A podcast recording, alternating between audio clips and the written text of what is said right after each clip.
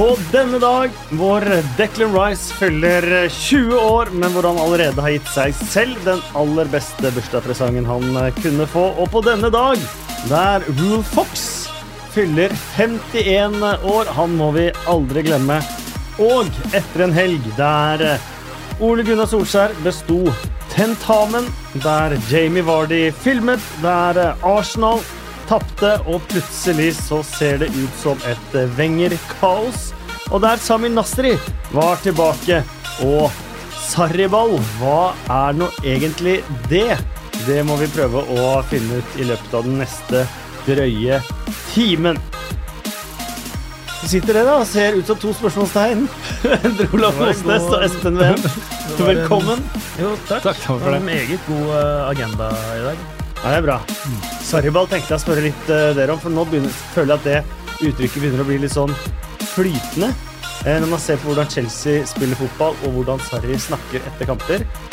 Men dere har jo begge kommentert Serie A og har en uh, liten forkjærlighet for Italia, så jeg tenkte dere kanskje kunne hjelpe meg med, med å egentlig definere hva vi skal se etter, og hva Chelsea burde få til siste halve sesongen.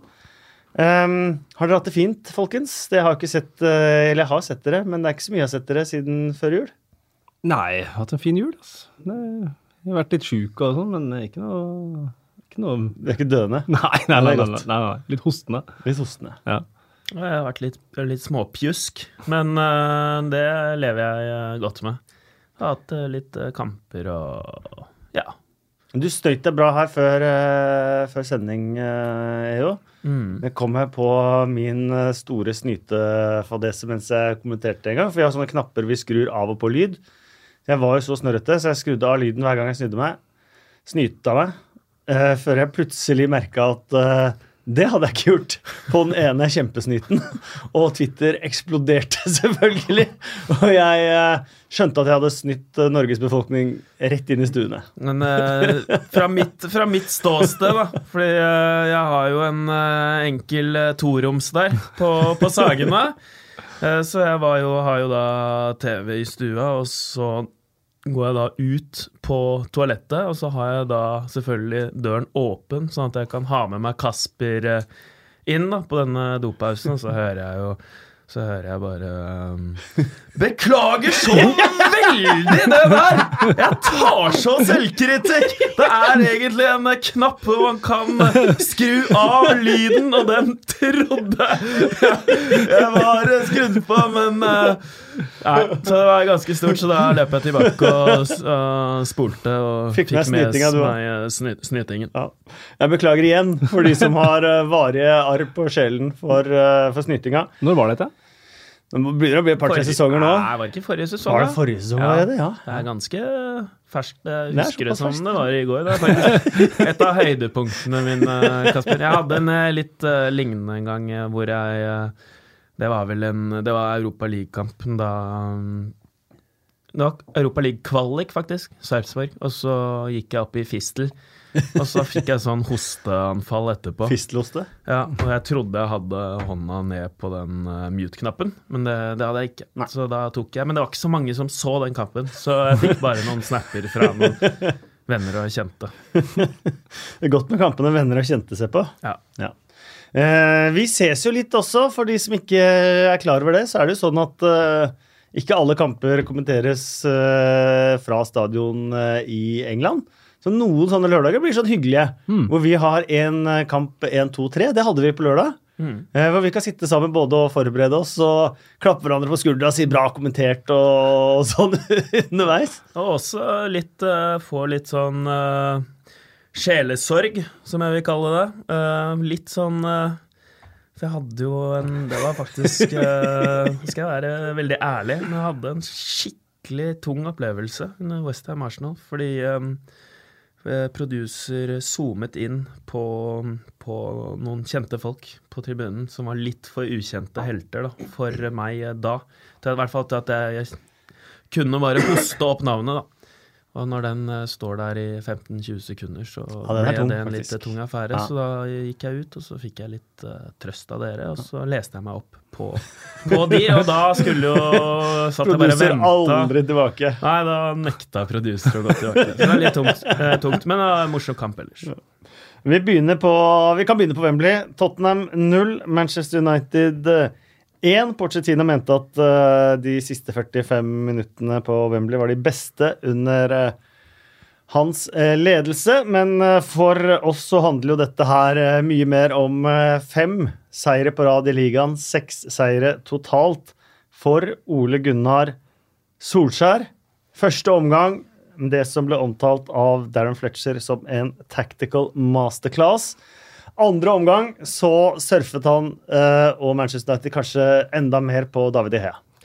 Ja, nå får du kjeft, eh, Kasper. For nå bare, du sier at for oss så handler det mer om eh, Solskjær. Eh, Og tenk, og da, får de, da, ikke- ja, du kan da, da, da, får, da får de der gærninga som bare mener at det her er ManU-kanal og sånn, de, de nå, nå For det første så må jeg bare beklage Jeg- jeg- jeg- jeg tror- jeg tror jeg skjønner hva du mener. Ordbruken til Espen, fordi at ingen er gærninger.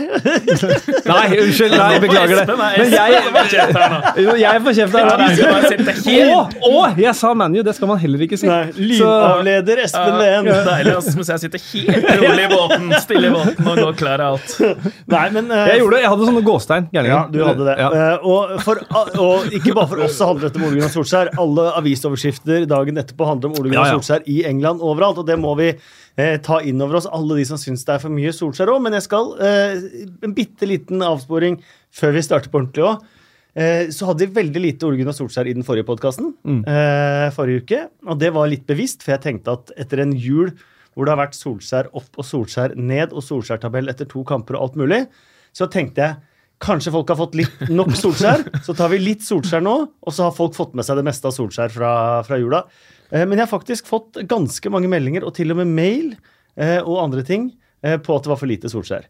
Ja. Eh, Så jeg tror ikke vi skal undervurdere heller Neida. hvor stort Solskjær faktisk er. Og forsiden av dette bilaget i The Times i dag, som vi, vi snakker ganske mye om i og med at Bill Edgar jobber der, eh, er Solskjær og Matt, sir Matt Busby som pryder den eh, forsiden. Og det forteller en god del om hvor stort det Solskjær holder på med, faktisk er. Tittelen er vel også 'Better Than Busby'. Mm. Så Ja, han fortjener jo det. Man sitter jo med litt eh, gåsehud og bivåner eh, det her. Men uh, han kunne takke De Gea. Uh, var det du I andre omgang så det- red han vel De Gea-lykken, da, kan vi si ja, det? Jeg har faktisk uh, Altså, jeg har akkurat der Jeg er ikke alltid like godt forberedt på, på sånn um, ukas, ukas blomst og slakt og sånn. Men De Gea har jeg, han har jeg gjort meg en del tanker rundt, faktisk. Ja, så Få høre de. Ja. Og det er, eh, det er at han dekker et håndballmål. Han må ha stått, eh, han må ha stått futsal, rett og slett. Eh, Vært futsalkeeper. Fordi han, sånn som du ser det på mange av redningene, hvor Del Alli kommer alene igjennom, og så Han står helt rolig i stedet for å ruse, noe mange keepere gjør. Han er veldig rolig, rolig keeper. Og så venter han til Dela- Delally nærmer seg han, og så setter han ned da det futsal-korset, da. Ja, den er han uh, utrolig god på. Den redder han alltid alene med keeper, og dette, Jeg satt og så den kampen på Lincoln, og etter hvert så kom Terje Kirsebom, som har stått på landslaget i, i futsal. Um, så jeg mente jo at han uh, må ha vært en futsalkeeper, og Terje Kirsebom var helt, helt enig i det. da. Så det her har jeg diskutert med, med en høyt kvalifisert en. Og det er jo For han dekker et håndballmål, og han tar liksom uh, alle de avslutningene som han på en måte, måte skal ta. Altså Setter man den i krysset, så går du inn. Han har ikke noen sånne ville redninger. Det har han Jeg jo syns ikke. han har det. eh, og det Hvilken kommer, syns du er den beste? Det kommer av posisjoner. Den, eh, Ja, ja, den har reddet på første stolpe fra Aldevereld. Syns jeg er helt syk. Den Det- går inn på nesten alle keepere. Men den jeg syns var for meg det øyeblikket der, det hvor han hadde en hockeyredning, faktisk. Fra futsal til hockey. Mm. Hvor han drar ut høyreloffen på skuddet til, eh, til, eh, til Kane. Hvor han drar ut beina står nesten i spagaten og redder med, med høyrefoten der. Den syns jeg var Mm. eh, for meg øyeblikket. Og den og det er, Jeg satt og så denne ikke sammen med Terje Kirsebom, men med, med, med en sønn. Eh, og han hadde også et godt poeng at på f.eks. den så vil de aller fleste keepere gått ned med henda og ikke kommet seg raskt nok ned. Det er en god observasjon av Eh, og, og, det, og så ville man sagt at man kan ikke klandre keeper for den. Eh, for det går så fort. Eh, og det tror, jeg, det tror jeg faktisk er, eh, er helt sant. Jeg tror de aller fleste ville gått etter den med hånda. Det Hea han er pragmatisk, rett og slett. Han, øh, han gjør det ja. Og Er så er han ekstremt reaksjonssterk. Er det nå jeg også skal si hvem jeg så kampen med? Ja. Ja, jeg så den Jeg så den sammen med en som har et par eh, kamper i kassa på C-laget. Eh, Christer? Christer, ja. Det, det, han er fet. Han er stor, øh, skulle spille rekk, jeg skulle spille rekk-kamp på Kjelsås. Eh, Det var tredjedivkamp. Så satt jeg i garderoben, og så satt det en jeg aldri hadde sett før. da, Så jeg hilste på han. da. Eh, Christer. Eh, så, så viste det seg at han skulle stå i mål, da. For da, du er keeper, ja. Nei, jeg har stått litt i kassa for C-laget. Og da kommer jo da Espen eh, Sveen eh, for å se den kampen. Lurer jeg på hva gjør du her? Nei, han skulle følge Christer i kassa. Men ja. Jo, det er det han sa, da. Hvorfor skyter de ikke opp? ja. Hvorfor skyter de ikke opp? Og det er jo også et uh, kjempepoeng. Han har tatt alt langs bakken. der. Bare løft den kula. Uh, Det er sant, men, Han holder med Tottenham, det skal sies. men også her kommer det med kommer, Syns jeg også en, eh, en eh, interessant observasjon er på forsvarsspillet til eh, til eh, kanskje Jones og Lindløf eh, spesielt, sånn som Dele Alli-skuddet, så kommer i en sånn høyde hvor eh, De Gea kan redde den med, med henda. Den har han egentlig lyst til å sette kort, tror jeg. Eh, men det, der blokkerer, stopper muligheten for å gjøre det. Hvilken avslutning var det? Eh, Dele Alli. Jeg. Hvor han mm. slår den unna som kommer relativt høyt opp, men i keeperhøyde. Eh, og relativt rett på keeper. Den tror jeg Dele Alli egentlig har tenkt å plassere et annet sted, men han er tvunget til å plassere den der pga. at han presses til det av, eh, av stopperen. Så jeg tror vi skal gi eh, kreditt i, i tillegg til De Gea også til eh, mye av forsvarsspillet. Og, den, og det som på en måte ikke er De Gea og ikke er flaks, det er jo den ekstreme offerviljen. Eh, den viljen til å løpe seg tom i 90 minutter fra samtlige, samtlige mann, i tillegg til å kaste seg foran skudd og blokker og alt mulig. Så jeg tror selv om Mourinhos lag da, ville vært pressa like mye bakpå som Solskjærs lag ble, så tror jeg et Mourinho-lag kanskje ville tapt det.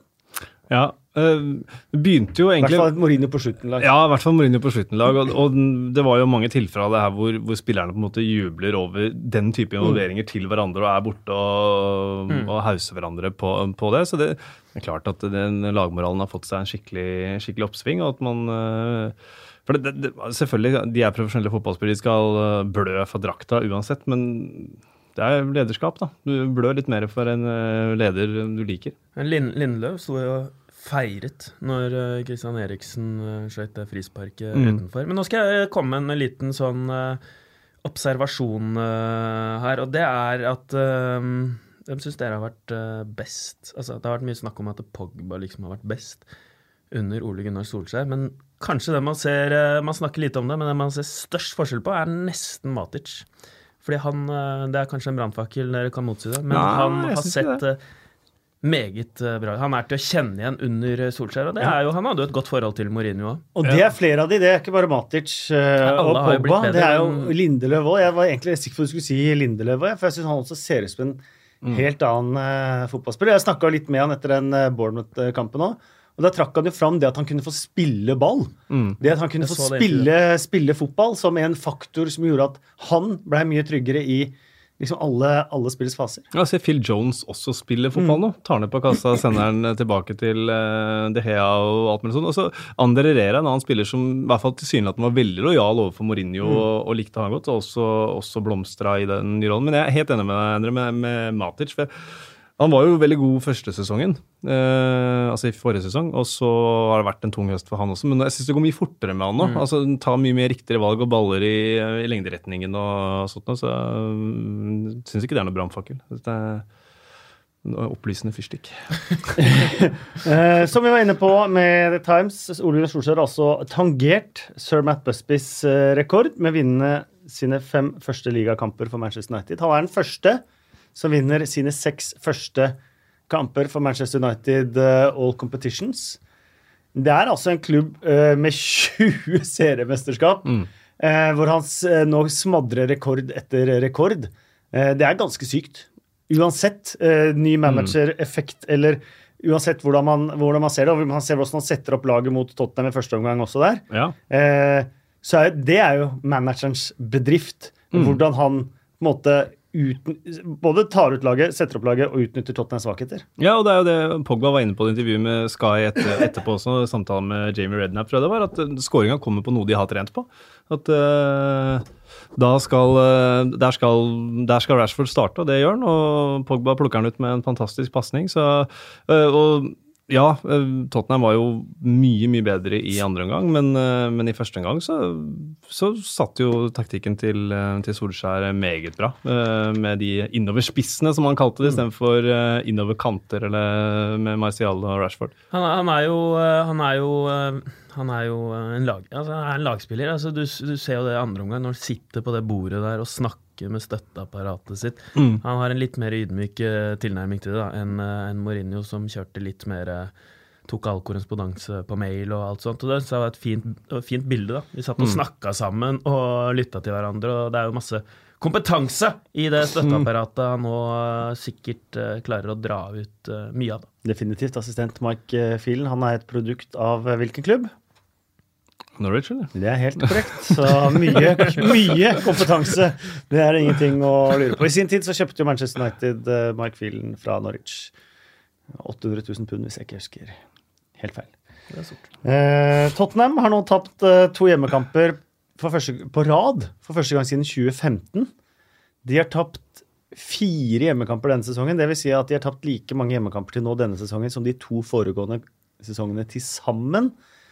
De har fått utsettelse igjen på å flytte til nye White Hart Lane. Man må ikke bli historieløs og synes at alt er mørkt og trist, men uh, hva tenker vi om det? Stadionsituasjonen? Nei, vi tenker tot, litt. Tottenham-situasjonen. Nå skal sånn Det- bort. Og det mest bekymringsfulle er nok muligens uh, Kane sin ankel igjen. Ja, det er det mest bekymringsfulle, um, men de, de, de Pochettino har jo rett. De spiller jo fantastisk eh, i den andre omgangen. Og elleve redninger si, sier eh, sitt. Det er på en helt middels dag avslutningsmessig. Så får de jo ett eller tre poeng Mm. i den kampen. Så det, det er ikke noe grunn til sånn bekymring, men eh, det er liksom Det laget der, hver gang det nærmer seg noe, da, så skjærer det seg. Jeg husker jeg satt på Jeg var med i en sånn Tottenham-podkast i starten av sesongen, og de hadde jo vunnet masse, og ja, de her kan jo vinne serien.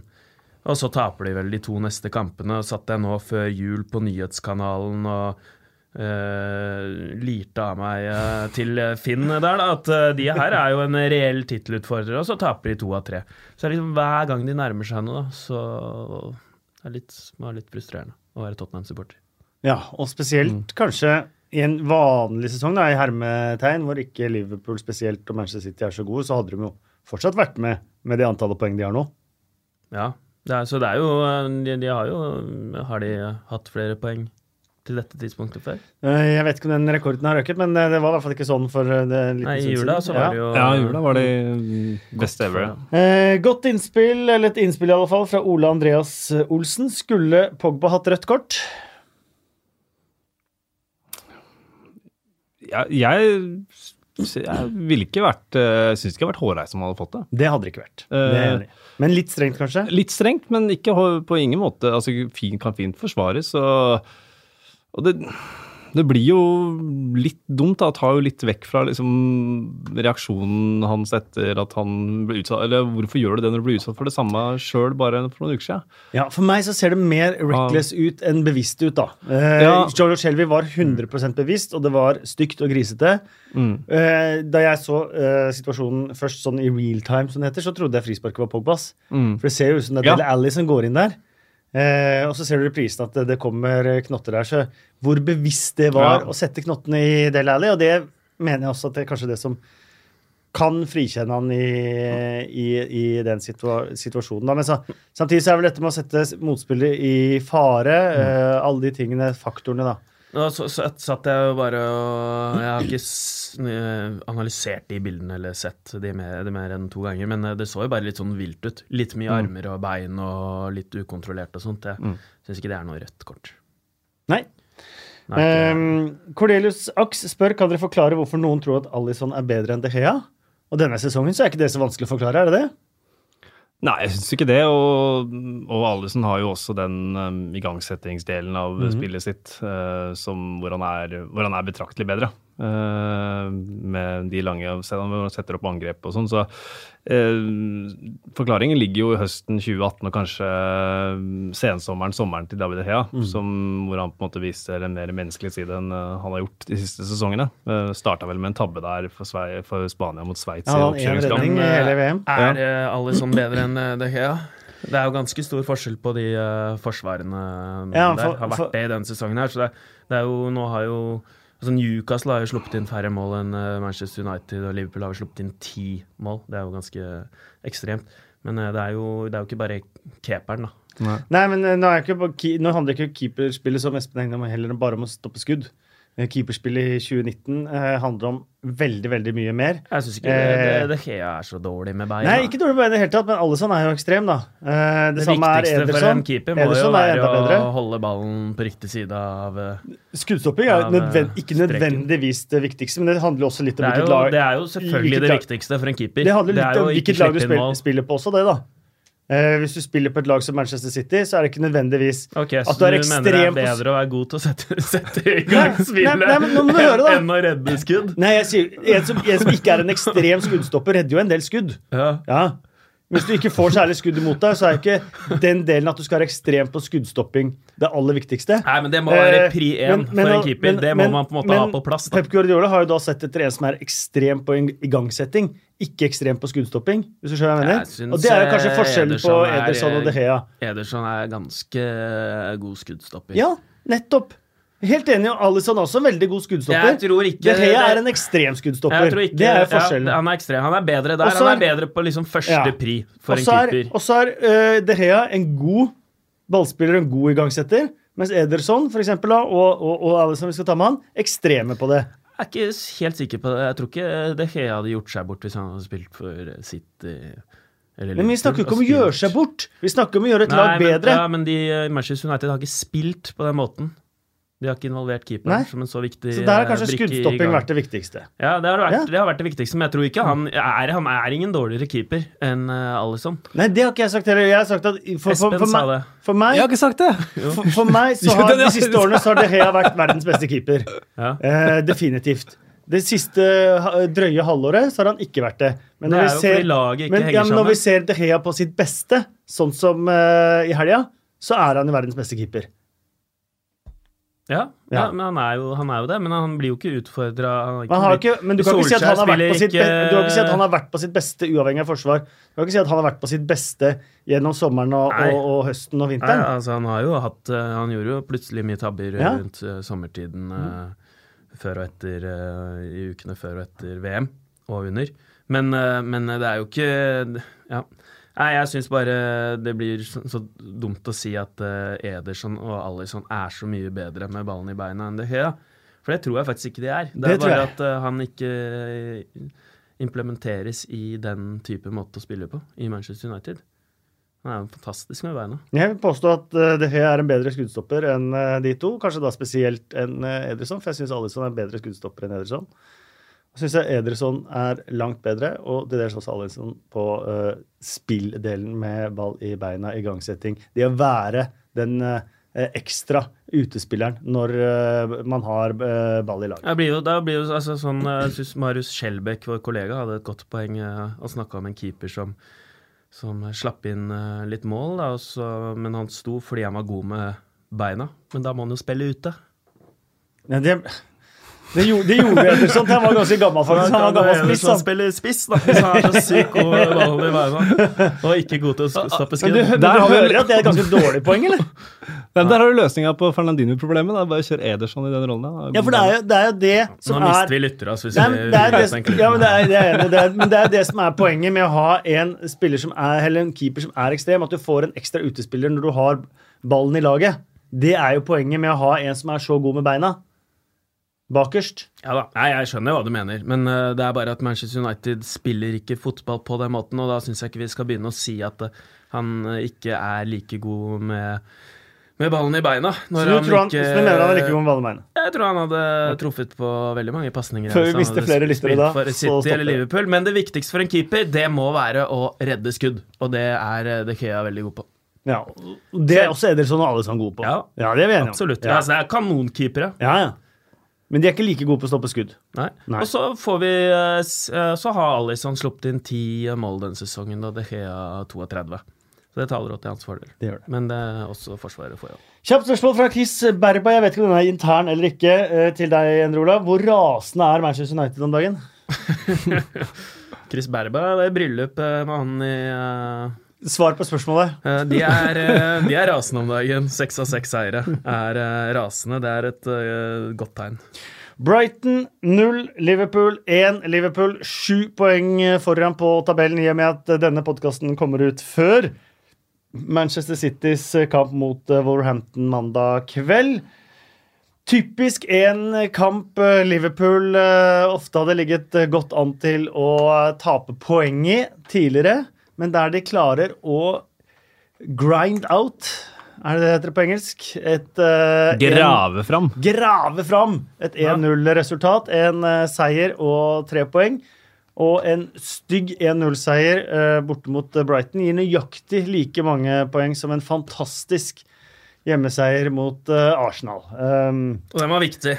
Dette var ingen eh, opera, men det var fin musikk likevel, sa Jørgen Klopp etter kampen. Ja, det er, eh, det er godt poeng, det. Han, nei, det er sterkt å vinne 1-0 borte mot Brighton. Brighton har blitt et bra fotballag. Har blitt et bra Premier League-lag som spiller jevnt med de aller, aller fleste. Og posisjonerer seg deretter. 0-0 til pause og straffeskåring. Det er jo er, eh, jeg tror det var veldig veldig viktig for eh, Liverpool å vinne den kampen. Nå er det liksom lett å prate om at den må man vinne, men det er sånn Hadde de tapt den her, da, og City vinner i kveld, det hadde vært ett poeng, da. Og i stedet for, hvis de hadde hatt litt mer marginer, kunne de hatt elleve poeng. Altså, det tror jeg hadde vært eh, ganske sånn tungt, da. Så jeg tror det var sånn kamp de nesten måtte vinne, altså. Ja. Selv om de sa at de ikke måtte, så, så er jeg helt enig med deg. Det er en eh, til- Borte mot Brighton, hvis du skal vinne ligaen, så må du ta tre poeng der. Eh, Men eh, det ble jo da straffespark til Mohammed Salah. Jeg føler jeg skylder en bitte liten unnskyldning der. Jeg sa vel at det var straffe da jeg kommenterte, men satte litt spørsmålstegn over hvor lett Salah gikk ned. Eller jeg sa i hvert fall at det kan det, det er nok noen som vil diskutere i etterkant, og det hadde jeg for så vidt rett i, for det har blitt diskutert i etterkant. Men jeg så jo da kun på beina. Jeg så ikke også at han ble holdt i drakta oppe ved Mm. skuldra. Uh, og det er jo min skyld, da. Ja, Det er en helt uh, lignende situasjon, faktisk, eh, Kasper, hvor han nå ble liksom holdt i skulderen. på, mot Newcastle, Ja. men der falt han jo altfor lett. Uh, denne situasjonen her syns jeg er annerledes. Ja, men eh, eh, blir, det har blitt en trend nå, at Salah holdes i skulderen. Men uh, syns du Fabinho Men nå må vi ta den ja, situasjonen der først. Uh, det, Dere kan ta den, dere. Pascal Gross uh, syns det var uh, helt hårreist at det ble straffe. Eh, Chris Huton, eh, Brightons manager Pascal Gross var altså den som lagde straffen. Eh, Chris Huton, manager, var, eh, sa at dette er helt ok, det var straffe. Og når man ser den, så er det straffe. Ja da. Det Det er, straffe. det er ikke noe vits å Han er en så mye mer med det. Det er klønete av Gross og prøver å redde skinnet sitt med å si at det er håpløst og kanskje Han, ja, han var fryktelig klønete. Han turte liksom ikke gå oppi. Nei, og da kan du heller bare holde deg unna, da. Ja. Hvis du ikke tør å gå til ordentlig. Det er jo blitt en sånn trend nå at det nå får Sala så mye straffer, og da er den liksom blitt en filmer. Men eh, det er, jeg må bare vende tilbake til det. Det er han ikke. Han har ferdigheter eh, som gjør at han blir, eh, blir tatt. Så, så det er jo ja. Men det er, eh, Thomas- ikke. Han Thomas blir jo Edvard- tatt alle gangene. Thomas Edvardsen skriver på Twitter syns det er på tide å snakke litt om Salah. Jeg sier ikke nødvendigvis at han filmer, men faller han ikke fryktelig lett for tiden? Jeg syns ikke det er noe galt i å falle litt lett. Nei, det har vi snakka om før. Nei. Jeg så han eh, setter fart, og de kommer opp igjen, og de forstyrrer han. Og kanskje så kan han holde seg på beina hvis han absolutt prøver på det, men han dyttes ut av balanse i boksen, og så går han i bakken. Ja, jeg syns ikke Men eh, det er jo fordi han setter fart da, inn i motstanders boks, og han er raskere enn de fleste, og ja. Ja, men ikke sant, Hva er for tiden, da? Det var vel eh, bare rett før jul her hvor de spilte bort mot Bournemouth, og han blir tråkka på leggen og fortsetter å løpe Ja, ja. og skårer. Altså, Ja. det, det er bevis på det motsatte, da. Definitivt. Så syns jeg blir helt feil. Man dras i trøya og inn i 16-meteren og går i bakken, så er det en helt legitim straffe. 14 ligamål, 18 mål totalt. One season wonder. Ja, Saklig. Han er på gang igjen. Eh, ikke Ja. bare på gang igjen, men har jo eh, Og det er alltid sånn, føler jeg. Så, og sånn var det med Kane og liksom alle disse målskårerne. Mm. Kommer litt treigt i gang der, og så skal alle sette spørsmålstegn bak navnet. Og så bare boff, så er de der igjen. Kan fort komme opp i eh, lignende tall som han hadde forrige sesong. Skal litt til. Men, Skal litt til, eh, ja. men, eh, men plutselig så raste det på forrige sesong òg. ja. Det er så mange bidragsytere nå da, i det Liverpool-laget, på en måte at ja, Man må se litt på det òg. Men er, øh, har du en agenda her nå? Ja da. For for, eh, vi skal eh, til straffen til Sala, for nå skal dere få med noe dere, noe dere kan bruke neste gang dere kommenterer en eh, straffeskytter som bruker venstrebeinet. Av de ti siste straffene som er skutt med venstrebeinet i Premier League, hvor mange tror dere har skåret? Det er ikke vitenskapelig, så dere kan bare si et tall. altså. Det Sju. Mm, det er enten veldig høyt eller veldig lavt. Det er derfor jeg sa jeg la meg i midten. Ti. Ja, det Da er, kan du, da kan eh, du skinne, Endre. Det det er kun fire. Ja. Og det er, det, er det, det er de fire Sala har tatt. Ja, er. Alle de andre venstrebeinskytterne av de ti siste har bomma. Og det går eh, faktisk et par år tilbake. Det er, Men nå skal du få ta din agenda, Er, er, eh, er Fabinho er han bedre som midtstopper enn som midtbanespiller? Ut ifra de enkle dataene vi har på 90 minutter her nå, da. Ja, eh, da må jeg jo komme inn på litt den diskusjonen vi hadde med keepere. da. Eh, det å forsvare seg og det å være god med ball i det oppbyggende spillet. For han glapp et par åpenbare ganger der som jeg ikke tror en eh, fast midtstopper ville gluppet. Glippet? Glapp? Glipt? Glipp, glapp, Glept. Eh. Blant annet headingen til Murray der, hvor han ikke har klart å både verken posisjonere seg eller, eller orientere seg. Eh, sånn at Murray får en blank heading på åtte meter. Eh, men med trening, ja, helt åpenbart eh, kunne ha vært en Er han en god stopper? Så han var på ukas lag, faktisk, her på BBC. Som kjørte han inn på ukas Mm. lag. Så mente at med et par sånne prestasjoner til, så vil uh, Lovren uh, være utrygg på start som midtstopper. Ja. Men de trenger han nå på midtbanen. nå. Det, Så er vel god høyrebekk òg? gjør de eh, Han gjør Ja, de det er gode, han også. Han gjør de Ja. ved, ved siden av seg. Hele rekka gjør han gode. Han Det er helt fascinerende ja, å se på. Enig. Altså. enig. Han uh, vinker de og snakker til de. Og det må være deilig å spille midtstopper sammen med van Dijk. da. Ja. Og hvis du en gang misser, eksempel, du går opp og bare Nei, den går over meg! Så bare hører du bare Så er det Van Dijk som klarerer den. Det må være en helt fantastisk følelse. Ja, men han, er helt øh, ekstrem, altså. Ja. Bare, det ser så vakkert ut, det han driver med. Bare hopper foran motspillere. Bryter med kassa, som er dagens ord, eller? Ja, det, er, det er det. det, er det. Han bare tar ballen. Nei, jeg er ekstremt øh, Det er et veldig godt poeng at han, øh, han gjør de rundt seg vanvittig gode. Sju poengs eh, serieledelse på eh, Liverpool, og det eh, Ja, Manchester City har på ingen måte råd til å til å glippe noe sted på veien. Vi kan ta to ord om mandagskveldskamp mandagskvelds kamp også, mellom Manchester City og Wolverhampton. Vi husker det motsatte oppgjøret. Det endte 1-1. Eh, Da hadde Wolverhampton rett og slett både litt flaks. De skåra Willy Boli skåra med hånda. Eh, og eh, det var vel andre situasjoner der også som eh, Manchester City kunne skåra på. Men de tok i hvert fall poeng mot eh, City. De har hatt en veldig god statistikk mot de beste lagene. Eh, Pep Guardiola eh, har hatt lyst på Ruben Neves, men sa vel at 100 millioner pund, det kan de bare glemme. Det kommer ikke til å bruke på en defensiv midtbanespiller. Og så er det litt greier der med Pep Guardiola og Kevin De Brøne. Belgier var ikke sånn superhappy med å bli bytta ut mot uh, Burton. Og Guardiola sa vel nå i forkant denne kampen at han har ikke snakka med Kevin De Bruyne om uh, dette. her. Hvis han er sur, så er han- får han være sur. Ja, han sa at noe- øh, hvis han har et problem, så veit han hvor jeg er. Ja. Mm. Men han vil jo spille fotball og Han begynner å bli sugen nå. Ja, nå er han spillesugen. Jeg tror ikke det er noe stor eh, greie. Han hadde vel lyst til å spille mer da, i den eh, 9-0-kampen der. Så eh, ja, Guardiola tok i hvert fall det med knusende ro. Jeg, han kommer jo, til- jo til å spille mer, men han er jo vant til å Det må, jo, må jo være uvant, da, når du er vant til å være den mest fremtredende spilleren og, som spiller alt, og som alt handler om, og så er du Og det å væ gå og være skada, det er en ensomhetsfølelse. Du faller på en måte ut av gruppa sosialt og sportslig. og Det er en eh, vond greie, da, det å være skada, og så er han tilbake, og så er han kanskje ikke i samme posisjon da, som han var, eh, så, men, men han kom jo dit.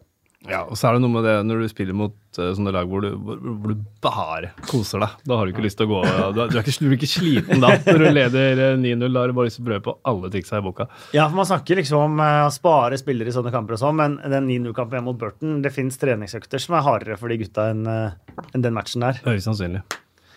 Eh, Wolverhampton har da to seire, tre uavgjort og to tapere på de kampene de har mot eh, såkalte topp seks-lagene. Det er en meget god eh, statistikk.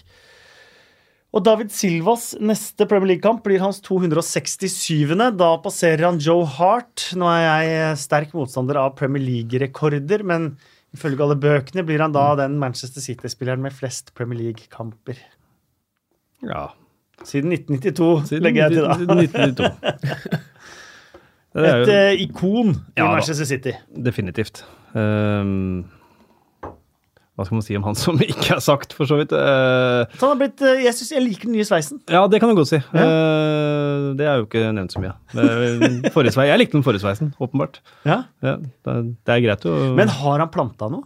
Nei, det tror jeg ikke. Nei, Åh, det er kjedelig, altså. Hårtransplantasjoner. som det- Da lar vi den, ja. da lar vi den ligge. Det er sårt for meg. Aguero har skåret i uh, sine fem siste hjemmekamper, men Gabriel Jesus banka til med fire mål sist. Og han virker å ha funnet litt sånn gleden igjen med å skåre mål. Ja da. Uh, snakker ofte å se liksom bak tallene på mål. Uh, det kan vi gjøre litt med Gabriel Jesus også, hvis man skal gi kritikeren litt vann på mølla. Da. For han skal vel skåra 12-13 mål nå, og sju av dem er vel mot Burton og et Og Rodram. Ja, og Shakhtar Donetsk, som ikke hadde noe å stille opp med. Men handler ikke dette litt for spisser og bare om å komme i gang, skåre mål, ha godfølelse til neste match? Sånn, det er lenge siden han har hatt. Ja da, han har jo hatt liksom, godfølelse i, i Premier League-kamper også, så um, det er jo kjempeviktig for City å få i gang han også. Det, det er jo helt åpenbart, det. Tror jeg er noe sånn eh, Drillo-forskning faktisk på hvis man scorer sånn fem, seks, eh, sju mål i en eh, kamp, at det da er eh, veldig vanlig å score nesten ingen. Og tape neste, ja. Ja. Ja. Hvis du vinner med fem eller mer. Nå vant de vel 7-0 og 9-0, altså. Da må det jo så hadde vi vel en rekke med sånn, du skåra fem eller seks mål tre fire kamper på rad og sånn også, så den, eh, de Men i ligaen har de gått overraskende mange kamper nå uten å holde nullen. mm. Eh, Jeg tror faktisk Det er fordi de ikke har noen gode skuddstopper i mål. Vet du. Ja, det er akkurat det. De har valgt å prioritere annerledes. Ja. Uh, Westham West 1, Arsenal 0. Eh, mange overskrifter fra denne matchen. Eh, en av de er at Declan Rice, eh, som blir 20 år i dag mens vi spiller inn, eh, skåret eh, seiersmålet, sitt første i Premier League som tenåring, og for klubben han har vært i siden han var 14-15. Eh, Jeg skrev på Twitter at han var en ekte Hammers-gutt. og Fikk en del tilbakemelding på at han kommer fra Chelsea. Men så er det spørsmålet hvordan du skal definere. Han spiller Ja. for en klubb han har vært i siden han var 14-15, som er også fra byen han er født og oppvokst i. Eh, så man kan være streng, altså. Jeg skjønner, Jo, skjønner det. Men, dro på eh, pub etterpå. Ja, det gjorde han. Og det det. var jo herlige, herlige bilder, da. Mm. Og jeg tror nok han føler seg som en ekte Hammer. Det tror jeg òg. ja. Han har ikke bestemt hvilket landslag han vil spille for. Han har ikke klart å Han har tre landskamper for Irland, og har bare trukket seg fra fremtidige irske landslagstropper som vil binde han til Irland. ja. Ja, mm. Han har ikke bestemt seg om han vil spille for Irland eller England, men uh, Og nevnes også som en Fernandino-erstatter i City. Ja, er nok litt opp der, tenker jeg. Han er Eh, det, skikkelig god, ass. Uh, eh, Jeg er enig, Jeg faktisk, kommenterte han kamp her, eh, så han fulgte tett. da. Fulgte han litt. Men altså, han er, han er på Jeg tror han er den eh, den sånn statistikker, han er den tredje beste ballvinneren i eh, Premier League, og hvis man tar eh, antall baller han vinner i løpet av kamp, så tror jeg han er på andreplass. Så han er, han er helt enormt, og de sier jo det, de som følger Westham, at det er liksom nøkkelen da, til at Mm, det har snudd. Og til at Fordi jeg, jeg satt jo her og Du var faktisk den eneste, Espen. Det var vi tre som satt her Mm. og mente at Pellegrini skulle ha fått sparken. Men grunnen jeg til at han det. fortsatt sitter, er eh, at eh, Declan Rice spiller så fantastisk godt på midtbanen sammen med Hvem mente han burde få sparken? Obiang eller Noble. da. Dere mente det. Nei, i hvert fall jeg. Jeg tror du kastet deg på, på var litt på min side der. Men Heldigvis er det ingen som kan finne gamle Nei. episoder, så jeg nekter for at det var noe jeg ja, sa. Men uh, uansett, han, så, så det sies at han rett og slett er Og han er 19 år, nå er han 20. Så det var stort. Og så er det jo var jo masse andre overskrifter. Nasri Ja, vi, er nærmest. Du får dra til- gjennom den, så nå skal ikke jeg Ja. Uh, Nasri jeg- er neste. Uh, han eh, var jo en gammel Arsenal-helt. Så var han en gammel eh, Arsenal-hatfigur da han uh, dro. Og så har han vært ute i 18 måneder med utestengelse, kommer tilbake. Og jeg må si at den målgivende til Declan Rice der, den er det ikke så mange som har roa til å gjøre. Det er helt korrekt. Han tar faktisk eh, ballen ned på brystet der, i motstanderens boks, Vet akkurat hvor han har Rice. og bare legger den til rette. Ja. Det er stort. Det Det er var, faktisk stort. eh, Jeg syns han var skikkelig, skikkelig bra. Jeg fikk litt eh, kritikk på Twitter for at, eh, at jeg nevnte han litt mye. Uh, det er jo forståelig, det. For det er jo Han er en stor han- overskrift i denne kampen. Ja, han, har vært men, en, eh, han har vært en sånn signering vi har hørt om det gjennom uh, desember, som folk bare har ledd av at Western skulle signere. Ja, og så Han må jo følge ball, og han var veldig mye involvert. Mm. Eh, og um, så er han ikke populær blant eh, Arsenal-supporterne, og det, det er veldig forståelig. Men han var eh, veldig, veldig god i denne kampen. Han var bra i FA-cupen. Og han, han sa, jo, sa jo det at eh, det er, det er jo som å sykle, da, å spille fotball.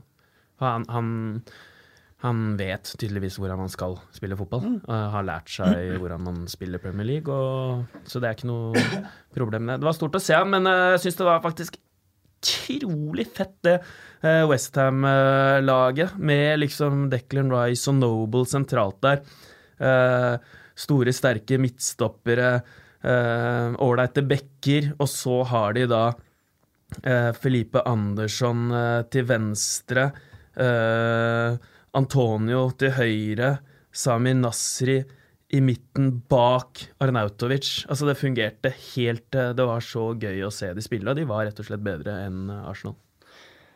Han sa det etter matchen, Samuel Nasri, at uh, han har en sønn på 11 måneder, at han fryktet veldig for at uh, ikke sønnen skulle få se han spille fotball igjen. Eller få okay. se han spille fotball. Glem igjen. Han Ja. brukte ikke igjen, det var min. Okay. Viktig for fedre, det. Ja, ja, ja. Sikkert hvis du lever av å spille fotball. Så det er vel i hvert fall viktig. Selv om det er ikke viktig for meg at barna mine ser hva jeg driver med på jobb. for så vidt. Viktig at de ser deg spille fotball. Ja, det har jeg gjort én gang. Det, det holdt. Det holdt. Uh, Marko Arnatovic, uh, var det farvel til uh, Vestham hjemmepublikum, Espen? Det var jo en lite sånn eh, vink der på vei ut, og kjapt inn i garderoben etterpå. Eh, hvis det var et farvel, da, så var det jo en muggsurthet. da. Altså, det var jo et kroppsspråk for han som bare ikke ligna noen ting, og litt sånn tilbake til gamle synder for Arnatovic. Var vel litt sånn i, i Stoke også, og hatt litt sånn historikk på å være mugne. Så Jeg, jeg syns det der er veldig rart. Hvis det stemmer at han er keen på å dra til Kina for å vinne trofeer, så er det sånn Ja, ok. Det er vel vikarierende årsaker for er- tredobling av lønn. Ja, det er, da tror jeg ja, det er liksom, Da er tro- trofé i så fall synonymt med masse cash, da. Eh, Men er det han som er keen på dette, eller er det broren hans som også er agent? Broren har jo et rykte for å være kanskje enda galere enn Renatovic, og det er ingen tvil om at broren vil jo cashe inn så det holder om eh, han får solgt Renatovic til Kina. Ja. Jeg tror, jeg tror ikke det var noe press... Nei, jeg tror det er et pressmiddel. Altså også. Det, kanskje få en bedre Få mer penger, rett og slett, i, eh, i Westham. Er, jeg syns ikke det så ut som et veldig farvel. Altså, jeg er enig med Espen der, i så fall. Jeg tolket det nesten som uh, Hvis det ikke hadde vært de skriveriene her, så hadde jeg ikke tenkt noe annet enn at han takket publikum for uh, oppmøtet Mm. og innsatsen. Men samtidig så er det, det er også noe med liksom nå er han, han er litt sånn barsking og alt mulig sånn, og har jo kjørt dette um, arma i kryss uh, mange ganger når han scorer, og, som, og fansen har jo virkelig trykket han til sitt bryst. Um, jeg, jeg er liksom, det, det, å ha det kroppsspråket han har da, Du er i ferd med å slå Arsenal 1-0. og Hvorfor fyrer du ikke opp publikum på vei ut og liksom hjelper han som skal komme inn for erstatteren din, og prepper han, da, istedenfor å gå sånn, litt sånn halvluntende av banen med hodet nesten senka. Det er en merkelig oppførsel, syns jeg. Men uh, Pellegrini sa i hvert fall, uh, han ble spurt om det etter kampen, om uh, hva det var. Han sa bare 'vi får se hva som skjer'. Vi ser mm. han er Nautovic, så det kan jo være han forsvinner. Bendik Grutto spør på Twitter snakk gjerne litt om utviklingen i Arsenal siden uh, nyttår. En av de rikeste klubbene i verden som ikke har penger til å kjøpe spillere. Manager som mener han ikke trenger Ramsey eller Øzil. Um, det er jo en litt unektelig en litt spesiell uh, situasjon. Arsenal hadde da ikke Øzil i troppen. Ramsey er uh, så å si klar for Juventus. Mm. Øzil har en kontrakt som gjør at andre klubber de eh, er litt tilbakeholdne med å signere han, for de vet at de, de antageligvis eh, De vet ikke om han er verdt lønna, rett og slett. Eh, mens Arsenal vel ikke har råd til å gi Ramsey en sånn lønn så lenge, så lenge Øzil har en sånn kontrakt. Og også med tanke på den lønnspolitikken de har. Nå skjønte jeg at Ramsey fikk ganske godt betalt i Juventus. Men dette her er litt sånn Er ikke akkurat Øzil de hadde trengt mot Westham, da? Jo, eh, så lenge de har Får man se hva som skjer med de, eh, forsvinner sikkert begge to. Men så lenge de har de der Den midtbanen den manglet jo Det den manglet, var kreativitet. Så til de grader. Mm. Eh, og at da de tar seg råd til å ikke bruke Øzil og Ramsey i en sånn kamp, synes jeg er underlig. Og så er det jo nå Kommer jo Ramsey inn, da, men ja. ja. Og Ramsey virker nesten litt som en drømmespiller for, uh, for Unai Emery. Det er jo det rareste av ja. alt. Men uh, jeg skjønner jo også, de har vært, alltid kjørt en veldig sånn strikt lønnspolitikk, og så brøyt de vel litt den både med Øzil og Alexis Sanchez mm. Uh, da for et par sesonger siden. Og kanskje er det det som biter dem litt, litt nå, da. At de gikk litt for all in på de to. Ja, det... Um Øsil kan jeg på en måte skjønne at han ikke bruker, selv om jeg syns Øsil er fantastisk. Det er bare fordi han ikke løper, og så er han liksom Han er Dr. Jekyll and Hyde, da. Altså, du vet liksom ikke hva du får. Men, eh, men Ramsey er jo må jo være en av de beste de har, liksom. Men tenk på alle de spillerne Arsenal nå mister, enten fordi at de må selge billig for kontrakten er utgående, eller gratis, da. Alexis Sanchez eh, billigere utgående kontrakt. Ramsey forsvinner nå. Jack Wilshere. Det er ganske mange av de etter hvert. Som, Oxlade eh, Chamberlain. Oxlade Chamberlain. Det, mm. det, er dårlig, uh, dårlig uh, business. Det er det. Ja. Mm. Eh, så får vi se hva som skjer. Naya Maria har vel sagt at de ikke kommer til å kjøpe i januar, for det har de ikke råd til. Men de kan ja, se om de får låne. Utrolig merkelig utspill. Ja. Bare, da veit jo alle det. At nei, de kan bare låne. Ok, greit. Da, hvis noen er interessert i spilleren så bare, ja, han koster 1000 milliarder. Så bare glem det. Eh, det er Uansett hvem de eventuelt skal legge seg etter. da. Eh, jeg svinger jo hele tida med Unai Emery. Før sesongen så var jeg helt overbevist om at det ikke var noe særlig. Også, ja, jeg var helt overbevist om at det var fantastisk. Ja, og så ja. måtte jeg snu rundt jul, eh, for det gikk jo bra. Men nå ja. Det er, er altfor mye som ligner på hvordan det så ut som Wenger på det verste. Ja, og der er det jo et Men samtidig har det gått bare et halvt år, da. Det har så bare la oss dømme igjennom et halvt år eller et år eller to til. Absolutt, og der har det jo nå, nå klart, jeg skal ikke snakke for enhver uh, Arsenal-fan, og jeg har allerede driti meg ut i dag med tanke på omtale av, uh, av folk. Han heter V-Nespen på Twitter. uh, han tar ut slett, sletta kontoen etter den her. Um, det er en annen som har det samme navnet med det andre, så tar jeg han i stedet. Uh, men jo, Arsenal-fansen. Altså det der Arsenal-fan-TV. Det, det, tar ikke mer enn et halvt år, og så er det Emery out og, og sånt. Og det, men det er klart det Sier ikke at det representerer den gemene Arsenal-supporter, men uh, litt mer tålmodighet bør du jo selvfølgelig ha. Men de kan jo være på vei inn i en uh, litt lignende situasjon som andre klubber hvor det har vært en manager som har sittet lenge. At det kommer til å ta tid før de finner den riktige personen. Da. Det må man bare være forberedt på. Og nå har Manchester United uh, hentet dem igjen av poeng på tabellen der. Chelsea 2, Newcastle 1. 1. Det holdt det med to vakre skåringer for eh, Chelsea. Eh, Sarri ikke superhappy etter kamp. Fryktelig kritisk til eh, Jorginho. Bare et par dager etter at Fabregas ble solgt, sa vel også at hvis ikke han var solgt, så hadde han kommet inn. Men det virker jo egentlig merkelig da at han, eh, at han fikk eh, gå. Uansett så så jo dette Chelsea-prosjektet helt fantastisk ut de første tre månedene. Det var da det ikke skulle se bra ut. Mm. Eh, Men etter tre måneder så skulle det jo se helt uh, suverent ut, ifølge Sarri. Men da har det vakla litt. Eh, og det begynte vel egentlig med at uh, Jorginho ble tatt ut eh, fullstendig i en kamp. Og siden har vel det vært en trend senere. Ble samme igjen mot eh, Newcastle. Eh, hadde to mann på seg. Det var vel Hayden og han eh, Longstaff som, eh, som lå rundt Jorginho hele veien. Um, så da får dere to Italia-eksperter forklare hva er sarriball, og hva får vi se neste halve året, og hva må de få til? Det er litt vanskelig å se ut ifra det Chelsea-laget hva Sarri, Sarriball eh, er. Men eh, det er, det, det er jo å, slå masse, masse pasninger i eh, oppbyggende spill for å, for å trekke på seg press, og så blir det rom andre steder.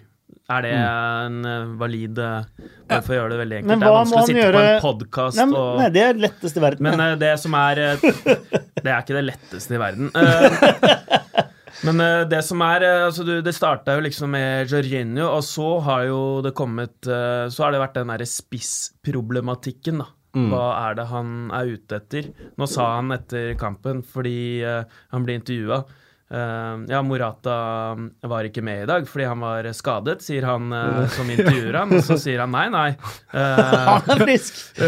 Morata er frisk. Han var, bare, han var bare ikke med i dag, fordi jeg ville ha tre små spillere foran. Eh, og da er det ubrukelig med, med to eh, andre store spisser på, på benken. Og så sier han jo at eh, det, eh, han vil ha tre små spillere foran, fordi da gir det bedre balanse, og de har sluppet inn eh, veldig få mål med de, men da mangler han eh, Så de forsvarer seg på en måte bedre med de. Men han sa også at det er ingen de, som men- angriper ball i boks heller, da. Det Ja. får han jo ikke med tre små. Nei, og det, det får han ikke. Så noen ganger så trenger han uh, fysikk, da. Så han må liksom velge mellom det eller balanse. Så han trenger en ny spiss, tydeligvis. Higuain. Ja. Han kommer nok. Men det er jo rart, da, å hente Iguain når du har Giroud og uh, Morata. Det er jo liksom Men Morata føler jeg, Morata føler jeg er et dødt prosjekt. Du kan nesten aldri få ham på, på beina igjen eh, uansett. Den er på en måte ødelagt. Både Moratas forhold til Chelsea, Chelseas forhold til Morata, supporter, trenere, alt liksom. Det er, Morata må starte på nytt et annet sted. Det er vanskelig å se at han plutselig skal kunne blomstre og bli en fantastisk spiss i Chelsea nå. Ja, jeg trodde jo, altså, Det var vel eh, et av de grepa Sarri gjorde i, eh, i Napoli når han mista Egoin, var jo å kjøre Mertens som spiss og prøvde det samme nå med Hazard, men det, det funker ikke like bra. Men altså, liker du ikke? Nei, det er jo helt åpenbart at han ikke gjør. Ja. Uh, så um, det er vanskelig å løse den uh, spisskrisa. Kanskje er Iguains Jeg veit ikke om det er svar heller. Han er, er litt over middagshøyden og Men det er jo Chelsea-tradisjon. Kjøpe spisser litt for sent. Jo, jo men, Falcao og Torres Men og på den alle side, sammen. på den annen side, det kan her være at det bryter litt med en Chelsea-tradisjon. For Vanligvis så pleier de å kjøpe dem litt for seint. Her kan det være altfor seint, og da kan det jo funke likevel. Ja, det er For sant. nå, for nå har Iguain allerede eh, gått, på, gått på veggen i Milan. Ja. Så han er liksom ordentlig trøkt ned. Så han, uh, han kommer Og han og Sarri i Napoli. Det var en uh, gullkanta kombinasjon hva målet Det var det. Um, Rio Ferdinand, han uh, mente at Newcastle-supporterne fikk soak it up. At alt var fryd og gammen i eh, klubben, og at Rafa fikk eh, betale fra egen lomme da, hvis eh, han trengte nye spillere og var så kritisk. Rio Ferdinand er da også sponset av eh, Mike Ashleys eh, Sports Direct, og er jo deres reklamekampanjefigur og forsidemann. Eh, kunne han eh, Hadde han kommet gjennom en sånn habilitetstest her? Det tviler jeg på. Det, nei. Og der. Ferdinand sa at klubben er gjeldfri og de spiller Premier League og det er så flott, så kontra vel Alan Shearer på Twitter med å si at gjelden er 120 millioner pund og økende. Eh, de er ikke helt på bølgelengde, og føler ikke Rio Ferdinand og Nei, nei, supporterne er på bølgelengde heller. Hadde heller. heller hørt på Alan Shearer, Det hadde jeg òg. Mm. for han vil den klubben vel. Men hva må skje? Noe må skje. Og folk er i ferd med å bli klin gærne der nå. Forståelig nok. Eh, se på den stallen. Det Det er, er, altså så eh, grå materie som det kan få blitt. det er en eh, frustrerende situasjon for, eh, for de som holder med Newcastle. Og jeg, jeg hørte jo sånn eh, så Benitez fikk jo spørsmål liksom eh, Når er det dere skal, skal liksom prøve å utvikle dere, da? Eh, Og ikke bare prøve å få med dere noen poeng fra kamper. For det blir jo sånn. Du går til kamper, og så handler det bare om å prøve å få med seg noen poeng, men han har jo ikke noe annet materiale til det. Og etter Fulham-kampen så sa han jo faktisk, sa Benitez, at det vil være et mirakel om vi holder oss i Premier League. Det er å dra den bitte litt langt. Det er å dra den eh, litt langt, eh, men eh, han har på en måte et uh, poeng. Men de spiller jo jevnt, da, med alle. Her var de oppe, og de hadde fortjent uh, et Absolutt. poeng her, eller uh, Nei, det hadde de ikke. Jo. Nei. De gjorde, et, de gjorde en god fotballkamp. ja, de Ja, gjorde de hadde ikke, veldig hadde, ikke, hadde ikke fortjent et poeng der. Chelsea var klart hed- bedre. Men meget hederlig for- forsøk. Nei, ja, det er liksom, de, de, har liksom de har tapt med ett mål mot så mange av de toppklubbene. da. De har hatt så uflaks, uh, Men kan egentlig. ikke- men så, det- men de plukker opp poeng her, og de plukker opp poeng der. Uh, og det er Benitez eh, flink til, så de kommer jo til å overleve. Men, Mm. men det er jo som han impliserer liksom i spørsmålet sitt, han som spurte om det, når er det liksom Men de skal ta kommer, det derfra da, til de kommer å kanskje kanskje, til skape noe. da. De, De kommer- skaper jo ingenting. kommer kanskje til å overleve, men ikke med Benitez som manager. Han er Han må ferdig til sommeren ved, hvis ikke Mm. noe skjer. Ja, nå er han lei. Og da vil jo nytt helvete bryte løs. For Benitez er jo en meget populær mann blant eh, supporterne, nesten uansett Mm. hvordan det går. Mark Ashley ikke. Kan ikke Mark Ashley bare selge, da? Bli ferdig med det. Det er jo interessenter. Det var veldig nære en periode for et år siden. Da var det kjempenære. Eh, og da satt liksom folk med champagnen på kjøl da, i Newcastle Mm. og bare ventet på å sprette den. da. Så har jo det ligget litt uh, Er det Peter Kenyon nå som prøver å samle inn penger til å Mm. Det er vanskelig å si ja, fra utsiden hva som egentlig Ja, det er det. skjer. Men uh, det må selges. Hvis ikke så tror jeg det der er kjørt, for da mister de Benitez. Og Benitez er den eneste grunnen til at de er i Premier League. Enkelt og greit. Verken mer eller mindre. Leicester 1, Southampton 2. Ralf Hasenhuttel har nå like mange seire som Southampton-manager som Mark Hughes. Uh, Shane Long skåra mål. Mm. ble matchvinner, faktisk. Eh, hans fire siste mål Han ble ikke matchvinner.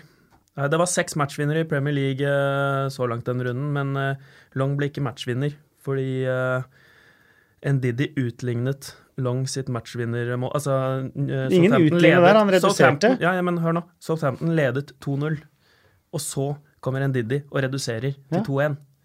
Da er matchvinnerskåring av Nei, Longs. det er ikke det. det er hvis det står 1-1, og Long hadde skåret 2-1-målet, så er det matchvinnerskåring. så det er mange matchvinnere i Premier League denne runden her. Kjempemange, men eh, Long var ikke en av dem. Shane Long- For Ndidi utlignet da Long sin matchvinner-scoring. ingenting. matchvinnerskåring. Så da er det faktisk Ward Prowse da, som skårte det første. En er en- Hvis vi skal, det, det går ikke an å bruke En den 1-2-redusering er eh, aldri en utligning, det er en redusering, for det jeg- første. Jeg, jeg, jeg for- prøver å få fram et poeng, da. Ja, og poenget er feil, for at Shane Long ble matchvinner, for han skåret det avgjørende målet, Det er gjerne å ha støtte på Twitter. Ja, det kan du få. eh, Men på, eh, glem nå det, da. Ja, men du skjønner Eh, poenget mitt? Nei. Jeg Eh, skjønner på, jeg skjønner poenget. fire siste ja, mål har kommet under fire ulike managere. Det er ganske sjukt. Det er et godt poeng. Det er et godt poeng. Men den, eh, den toppes fra championship på Will Keane. Tvillingbroren til Michael Keane Nå Everton. sitter du, nå er du så ferdig med meg, Kasper. Nå sitter du bare og ser på Espen og prøver å prate med han. Men fortsett. Ja, du skulle ødelegge det poenget Ja, òg. nei, okay, unnskyld, sorry, sorry, sorry, sorry. Unnskyld. Jeg er lei meg. Ta Nei, gå videre nå, da. Får, ingen vite hva som Jo, eh, Kom igjen. Please. Will Keane. Will. Keane hentet til Ipswich. Eh, og han ble matchvinner, for han skåret 1-0 mot Rollerham. Rotherham. Eh, og mens Shane Longs fire siste mål har kommet under fire ulike managere, så har Will Keanes fire siste mål kommet for fire ulike klubber. Ja, det er fin. Den er fin, den. Han, to han topper Shane Long bitte litt, var det jeg ville fram til. Men uh, Ja, men, ja, men Shane Long har gjort det i Premier League, da, så er ikke det en faktor. da. Oi, okay, da Men han topper bitte, bitte, bitte litt, da. Hvem vil ta over? Nei, jeg tenker, men det- Ja, jeg, det er bra. Du leverer, du, Kasper. Ja. Jeg skal Eh, Filmingen til Jamie Vardy må vi innom. Uh, Mark Halsey vil ha en uh, automatisk karantene for filming. Men det glemme, hadde jeg nesten glemt. Det fins jo en sånn diving panel nå. Den eneste som jeg kan huske har blitt straffa der, er Omar Nias Ja. mot Crystal Palace. Uh, hvorfor skal ikke f.eks. Jamie Vardy eh, straffes for den eh, åpenbare filminga av den matchen her? fordi det ikke blir straffe, og da kan de ikke gå inn og gjøre det. Det er da de kan gjøre det. Nei, Nei, det er da de ikke kan det er da de ikke kan gjøre det. Nettopp, Nias skaffa takk. straffe, og derfor så kunne han tas, men i og med at var det ikke lykkes med å lure dommeren, Takk. så kan han ikke straffes for det, og det er jo helt uh, høl i huet. Mm. Um, så da burde man kanskje endre bitte lite grann på den uh, lovgivningen der. Sånn at, uh, For den var fæl. Ja, den er helt, uh, helt på linje med James Madison, den. Og så, er den, eh, og så er det god filming. Det er nesten det verste av alt. Eh, Ja. Ser du den live, så kan du bli lurt der hvis du har gæren vinkel. Ja, ja, ja. Han kaster seg inn mellom to spillere der. Mm. Hva syns du om sånn filming, eh, Drolav? Nei um... Særlig hvis vi fører til matchvinnende straffe. Nei, men, hva, men, men det er forskjell på, det er forskjell på filming og filming. Så hva syns du om sånn filming? Sånn veldig Så han kaster seg ned uten at noen er i nærheten av deg. kun for å Hva syns du, hva, hva syns du om å, å eh, prøve å vinke til dommeren for å få et uh, hjørnespark som du vet Nei, det er bare, Egentlig er utspill fra mål. Hva, hva syns du om sånn filming? Er det, er det Jeg syns det er vanskelig fra å ta fotballspillere på moral, fordi eh, Ja, sagt. de gjør alt de kan for å vinne. Men, eh, men eh, det er jo flaut. Det er flaut å bli, eh, bli tatt. Det er den risikoen han eh, tar. Han eh, det er millioner som ser uh, disse kampene her, og det er en risiko han uh, løper uh, når han gjør det. Så han får sin straff, da, for å si det sånn. Og da har ikke min mening så mye å si. For det er flaut for han. Var det ryddig? Claude Poel han har blitt Den- like upopulær i Leicester som han ble i Southampton. De slo Chelsea og Manchester City på rappen der. Eh, de spiller ikke underholdende nok uh, fotball, men uh, Southampton er jo kanskje kroneksempelet på be careful what you wish Ja. for. Det er jo det. Uh, og det er vel også det med, med Leicester som sikkert har vært oppe noen ganger også, at det ligagullet gjorde nok eh, noe med hvem Leicester føler at de skal være, eller i hvert fall hvem fansen føler at de skal være. Ehm, så Men er ikke egentlig fansen fornøyd Jo! med en uh, sjuende til tolvteplass? Men de vil ha litt så glede inn i det òg. De vil sikkert ha litt glede inn i det, men hvis jeg ikke husker helt feil, så var det ikke sånn uh, feiende, flott, dominerende, gåsehudfremkallende angrepsfotball de vant uh, Premier League på heller. Det Nei, det var gåsehudfremkallende.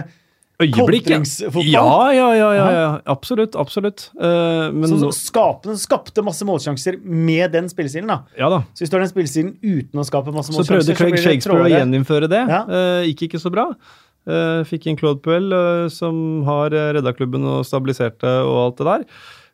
Og så er han kanskje ferdig til sommeren, da. Så får vi se hvem de får. For, men de, det er som du sier, altså kan de Det har jo vært gjentatt mange ganger, det med Southampton, hvordan de eh, klarte seg fram til de fant uh, Hastenhutel etter uh, post uh, Puel, da. De har jo egentlig gjort det, Hvis man zoomer litt ut, så har de gjort det ålreit. Sånn rundt juletider så slo de jo Ja. Chelsea borte, og så City hjemme. Ja, de Men så tapte de hjemme mot Cardiff, da. Og De- så slo de Everton igjen, og så tapte de nå. Mm. Men eh, de er jo de, de har jo hatt, hvis man ser det store bildet, så er ikke det her eh, det er umulig å si, da, med Mm. det laget der. Altså, det sier jo det resultatet litt. Du taper hjemme mot Cardiff, og så slår du Chelsea borte. Men det var jo City. inngangen her, Endre Olav. ja. Eh, at resultatene er ikke dårlige, men det er vel mer Ja. hvordan de spiller og fremstår. Ja, altså, altså, mye kritikk for uh, cuptapet mot Newport. Ja, og, og cupkampen også mot uh, City, hvor, folk folk -hmm. ikke var enig i laguttaket. Og, det kan jeg skjønne. Uh, at man, man blir litt frustrert av det. At ikke lag, de laga der slenger ut presumptivt det beste laget i cupkamper. da. Mot City, ja, men mot Newport, det laget han slang ut mot Newport, Jo, det skal, skal slå Newport ti av ti ganger, Det da ikke det. vært en issue, liksom. Nei, nei, nei. Men de, ja, de, altså, de har jo ikke lag til at eh, det skal være så blendende, da.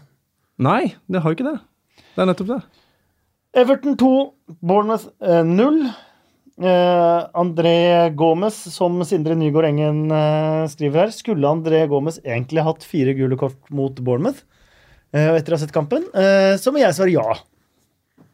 André Gomez har hatt en eh, skuffende kurve. Altså. Han var så god eh, når han kom inn, så har ikke han hatt godt av jula. Eh, han var jo grusom første nyttårslag sammen med mange andre, da, men han var nesten verst av en gjeng med er forferdelig til å ha opptreden. julefri.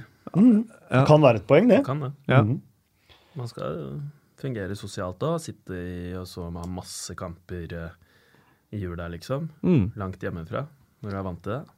Men herlig å se hvordan Everton igjen da, eh, forsvarte seg da det kokte eh, og fløy rundt øra deres på alle mulige måter. da. Og den trengte Marco Silva.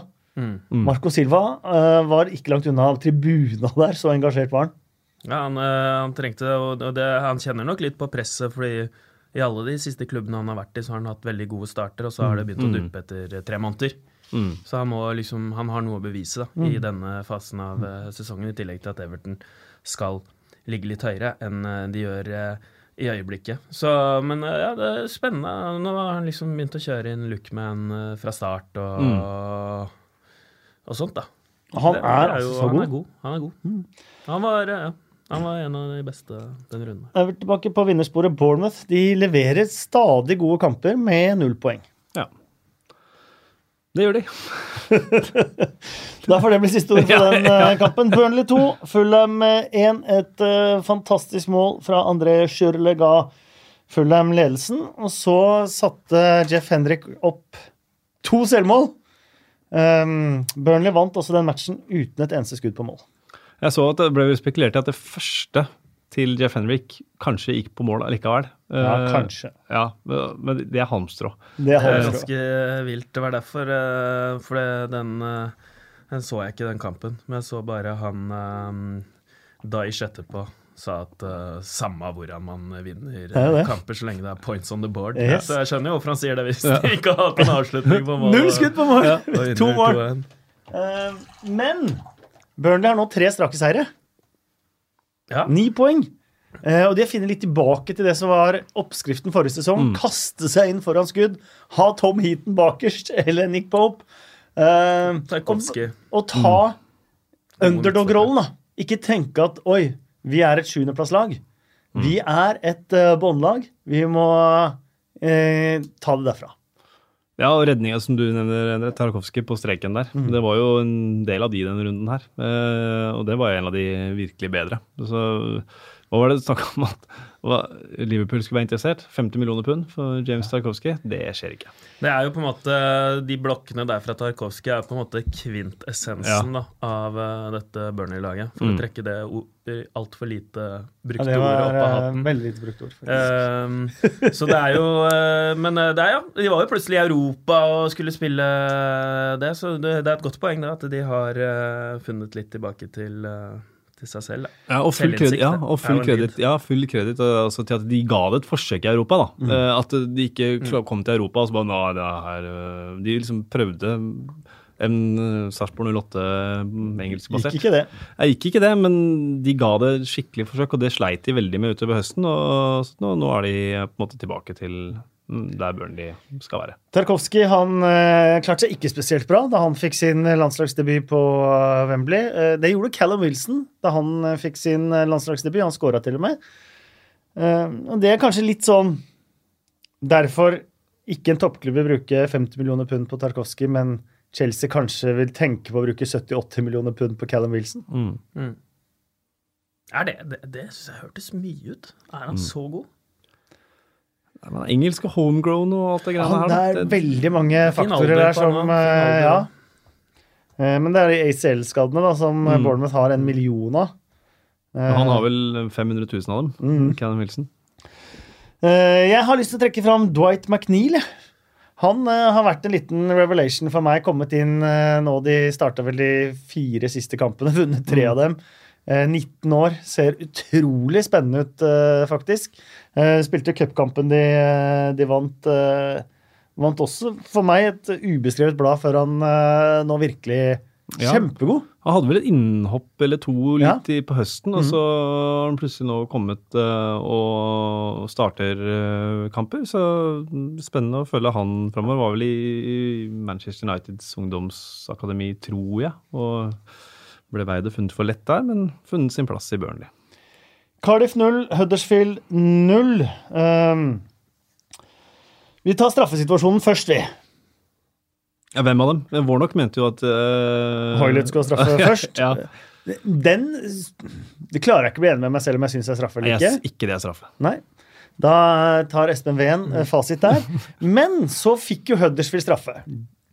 Eh, Dommer Lee Mason peker på straffemerket, sikker i sin sak. Hører noe fra assistentdommer.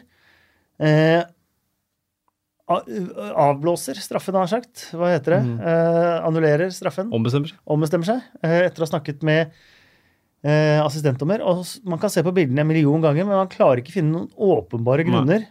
Eh, for det første, Mason står bedre plassert. Eh, og han er sikker i sin sak, eh, og det, alt ser ut som det er straffe. Mm. Eh, men assistentdommer har tydeligvis da hatt et argument, et godt argument òg, på at det ikke var straffe. Må være en glimrende retoriker, da, den assistentdommeren. Ja, ja, Ja, politiker! Ja. Warnock sa jo etterpå at uh, det er jo interessant at dere sier at det ikke var noe å dømme på, fordi han uh, Warnock sa jo at det, heldigvis var det en very experienced yeah. linesman der. Så, så han har tydeligvis veldig god erfaring, Ja. ja. han. Men den som stjal de aller største overskriftene, det var Det jo. Det er null avslutninger på mål da, på Cardiff, hjemme Ja. mot Huddersfield. Det er jo et tankekors. Mm. Ja, og de hadde 30-35% ball, Cardiff også på hjemmebane, mot Huddersfield. Men Huddersfield for meg så virker de fortapt. 11 poeng nå. Dette var kamp de egentlig burde vinne. Ja, det, De er kjørt nå. de er kjørt. Jeg tror Eh, Cardiff kommer til å bli kjørt snart òg. Men så har vi Neil Warnock, da. Som har, eh, hva er det har? Eh, Hadde åtte nasjonaliteter fra start mot Huddersfield. Spiller med Visit Malaysia på, eh, på drakta. Har en malaysisk eier. Han plutselig skulle ta del i brexit-debatten som foregår i England for tiden. Fordi De prøver jo liksom også å finne riktig måte å gå ut av brexit. Theresa May, statsministeren, er i hardt vær. eh, Hun klarer jo ikke samle troppene om noe som helst forslag. Eh, Da er det jo bare å høre på Neil Warnock, da. Why did we have a referendum in the first bloody place? You know, I can't wait to get out of them, if I'm honest. I think we'll be far better out of the bloody thing. I mean, in every aspect. And to hell with the rest of the world, hey? Football-wise as well, yeah. Absolutely. Den var rasende. Den var rasende! Ja, vi har jo snakka om det litt nå. at I starten så var det alt kunne gå mot eller alt kunne gå med. Han var rolig som skjæra på tunet. Han var ikke til å kjenne igjen. Men eh, nå, de siste ukene, så har han begynt å bli den Neil Warnock eh, vi kjenner. Vi får bare ta hans ord for det. Uh, to hell with the rest of the world. Uh,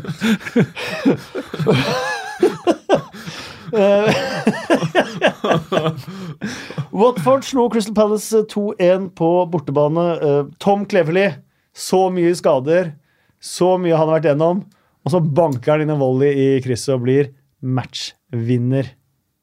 Han ble matchvinner, og det var en uh, ja, runden scoring.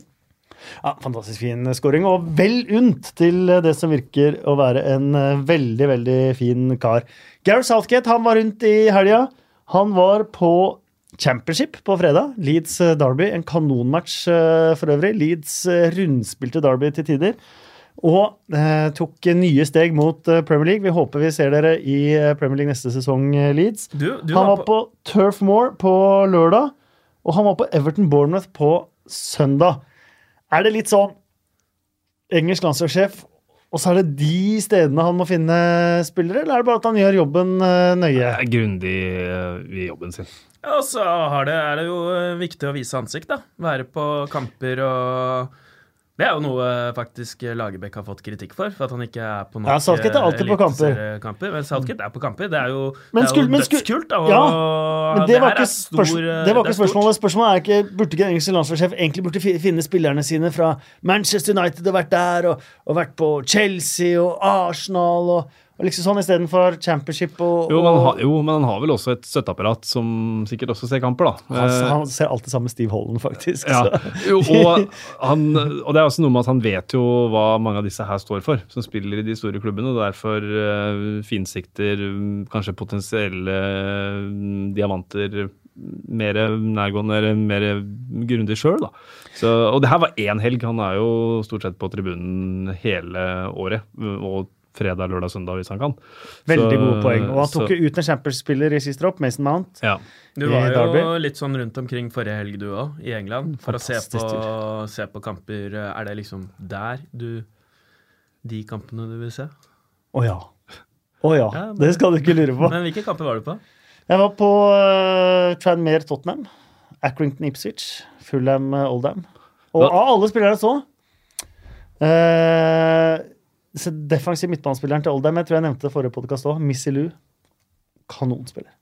Kanonspiller. Hvor gammel? Han var 26, så han var litt eldre enn jeg trodde. Men uh, Kanon navn nå, da. hadde jeg ja, ja, Missy Lou, kjempenavn. Hadde jeg vært uh, opp til championship, hadde jeg ikke nølt, faktisk. De beste fotballårene er jo 28 Ja. til ja, 31. En Football Leagues uh, kanté, rett og slett. Uh, bedre i forhold til sitt nivå med ball, kanskje også. Mm. Eh, vi må også holde oss litt i championship, for eh, eh, Bielsa han sendte en mann i hatt og frakk og kikkert på treningsfeltet til Derby for å spionere. Uh, og innrømmet det helt fint før kampen. Han var min mann. Uh, jeg har gjort dette i ett år, jeg. Uh, så han kunne ikke se helt problemet med det. Men så er det den engelske indignasjonen som irriterer meg grenseløst. Det er ikke bare det at folk syns det var feil, men Frank Lampard og andre Sånt gjør vi ikke i dette landet. Dette er en kulturgreie. Han kommer til vårt land og gjør sånne ting som vi ikke holder på med her. Det er maken til bullshit, må jeg bare få lov å si. Ja, det er jo akkurat like bullshit som at det skal ha vært eh, spillere som kommer fra andre nasjoner som gjør at folk eh, filmer i England. Det, det er på samme nivå, syns jeg. Det var morsom, den eh, tweeten politiet hadde der. Jeg vet ikke om dere Ja. fikk med den at de eh, nå var det tatt hånd om, og Ja. elveren er trygg. Men eh, det er jo Jeg trodde det var helt greit, jeg. Jeg visste ikke at det er det noen regel som Men hadde, med, hadde han med seg sånne der, eh, kjettingkutter og Det er jo å dra det litt langt, men det er jo, det er jo Det er, det er det er litt rått å være han òg, Ja, sendt ut av Bjelsa der og Ja, men for det, første, så, for det første, i gamle dager så var alle treninger åpne. Og det gjorde også at fans og alt kunne, kunne være på trening, og det syns jeg på en måte ja, Jeg vet ikke hvor mye hemmeligheter som er. Det som, Den største hemmeligheten er vel at elveren er kanskje ganske klar tidlig i uka. Det kan jo gi eh, et fortrinn når man har formasjonstreninger og sånt nå. Og så tror jeg det er veldig vanlig. Jeg tror ikke bare det er Bielsa som sender ut spioner til motstandernes eh, treninger. og Kanskje noen er smartere og bruker en drone eller, eh, eller et eller annet framfor en mann i frakk og, og kikkert. Og boltkutter, liksom. Og boltkutter. Eh, og for det tredje så har det vært en million historier om eh, spionering. Det var vel en engelsk klubb eh, sånn i de glade 90-tall som hadde en tunnel inn til bortelagets garderobe. Sånn at de hadde en mann som satt og lytta til pausepraten til, eh, til bortelaget i hver, eh, hver match. Men sånn, så det- gjør, ja, sånn så at gjør det- det ikke i England. Nei, Nei. Sånn at dette skulle være en kulturell greie. Det synes jeg det er typisk den der engelske indignasjonen som er litt irriterende. Enig. Da- Mats, Mats Guddim eh, Burheim på Twitter her for to dager siden at dette Bielsa-spionasjeopplegget på noen som helst måte skal være i nærheten av moralsk tvilsomt i konteksten forretningsvirksomhet. Heten fotball i 2019 er for meg fullstendig latterlig. Vis meg regelen som forbyr research. Ja, Men det fins vel regler mot å kutte opp gjerder. Vandalisme er det. Vi går til ukens blomst, eh, kaktus og de andre tingene. Um, Det var moro å se på. Morata var kjempegod. hva i all verden? Han snakka ikke om seg sjæl, han snakka om dommeren. Vi begynner med blomsterbuketten. Hvem skal få blomsterbuketten? Synes eh, den er ganske naturlig i dag. Skal vi ta med et uh, par forslag fra Twitter for øvrig? Ja. Ja. Um, Spurs Life, kaktus til Paul Pogba for taklingen på Ally. Sondre Olsen, kaktus til De Gea. Rett og slett ufint å spille slik han gjorde i går. Skapte mye gråt i tusenvis av Tottenham-hjem. Uh, Christian Årstad Otrals, kaktus til Sala, som igjen får en billig straffe. Gabriel Haaland, kaktus til Anthony Taylor for at uh, André Gomez fullførte hele kampen. Det var et mirakel, uh, og Gabriel Haaland er vel Everton-fan. Eh, ukjent helt Richarlison, som jobber og sliter gjennom hver eneste kamp. Stort sett udugelige lagkamerater og umulige dueller. Slutter aldri å prøve. Theodor Andreassen, blomst i Juten, kunne lett hevdet at Salah filmet for å forklare tapet, men sier i stedet at det var en fortjent straffe. I tillegg pleier han alltid vise klasse på utenfor banen. Gentleman. Helt enig. Steffen Larsen, mulig det har blitt eh, nevnt før, men Shian Massi Ellis fortjener en liten hylle som mulig kandidat til ukjent helt. Dette gjelder ikke bare lørdagens kamp, men generelt en av de beste linjedommerne i Premier League. Bortimot feilfri i Chelsea Newcastle og leverer ellers et meget høyt nivå. Ja, hun var feilfri. Ja, hun er det hver kamp, syns jeg Ja. nesten. Kjempe, kjempe, det er et kjempeinnspill. Da får vi deres innspill. Vi begynner på blomsterbukett. Uh, yes, David Hea er min blomst. Min blomst går jo til dagens bursdagsbarn. Altså Han har jo bursdag. Declan Rice. Declan Rice, Og han uh, var jo uh, matchvinner òg, faktisk. Kampens eneste mål. Og var 19 år. Skåret som 19-åring. Og nå fyller han 20. Da syns jeg man fortjener en uh, kvast. Ja, og jeg hadde kandidat Solskjær, så da Men jeg syns faktisk Endre Olavs innspill var det beste. Helt enig.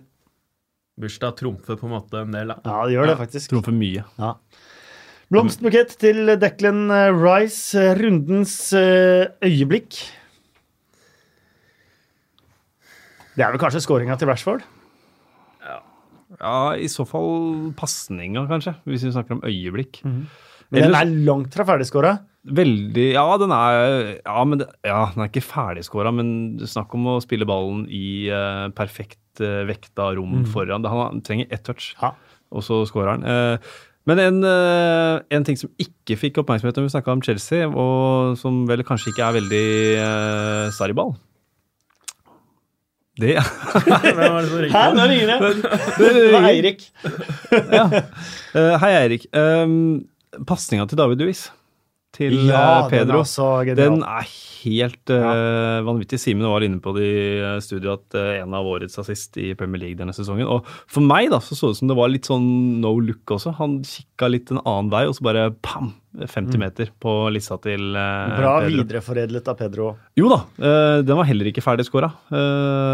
så jeg er litt på Jeg syns den pasning Ellers er det jo Premier Leagues styggeste mål eh, til nå, da. På Sellers Park. Ja. Mm. Uh, selvmål til Cathcart.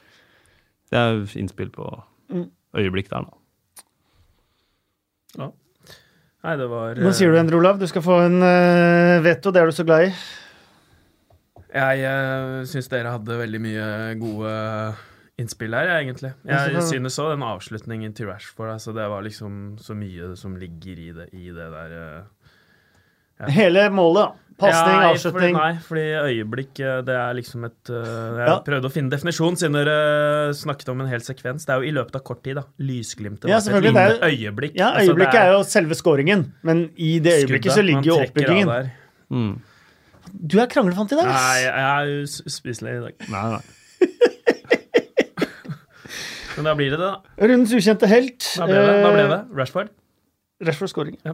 Rundens ukjente helt. Jeg syns nå Ben Foster har uh, fortjent den mange ganger, men uh, kanskje aldri blitt uh, nevnt, hvis jeg ikke husker helt feil. Nei, han har vel uh, Jeg syns han leverer toppkamper hver eneste gang. altså. Jeg tror jeg har vært innom uh, Watford hver gang det er uh, ukjent helt, men Ben Foster har jeg ikke kommet til helt ennå. Så det syns jeg er et godt innspill. Så jeg, jeg har veldig sånn defensive, eh, ukjente helter eh, nå. Jeg blir synes, ofte det. Det blir ofte det. Eh, Jeg syns bl.a.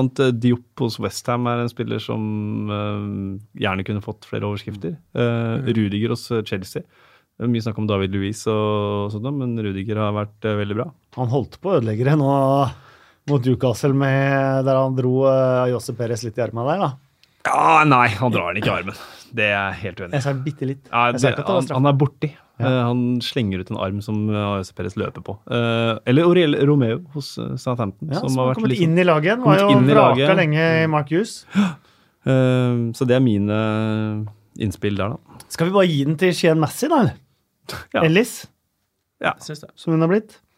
Steffen Larsens forslag. Ja, Steffen Larsens forslag er eh, det beste. Assistentdommer Sheen Massey, Ellis. Kaktus. Her var det jo ekstremt mange innspill på kaktuser. Anthony Taylor er ikke et dårlig, dårlig forslag. Nei.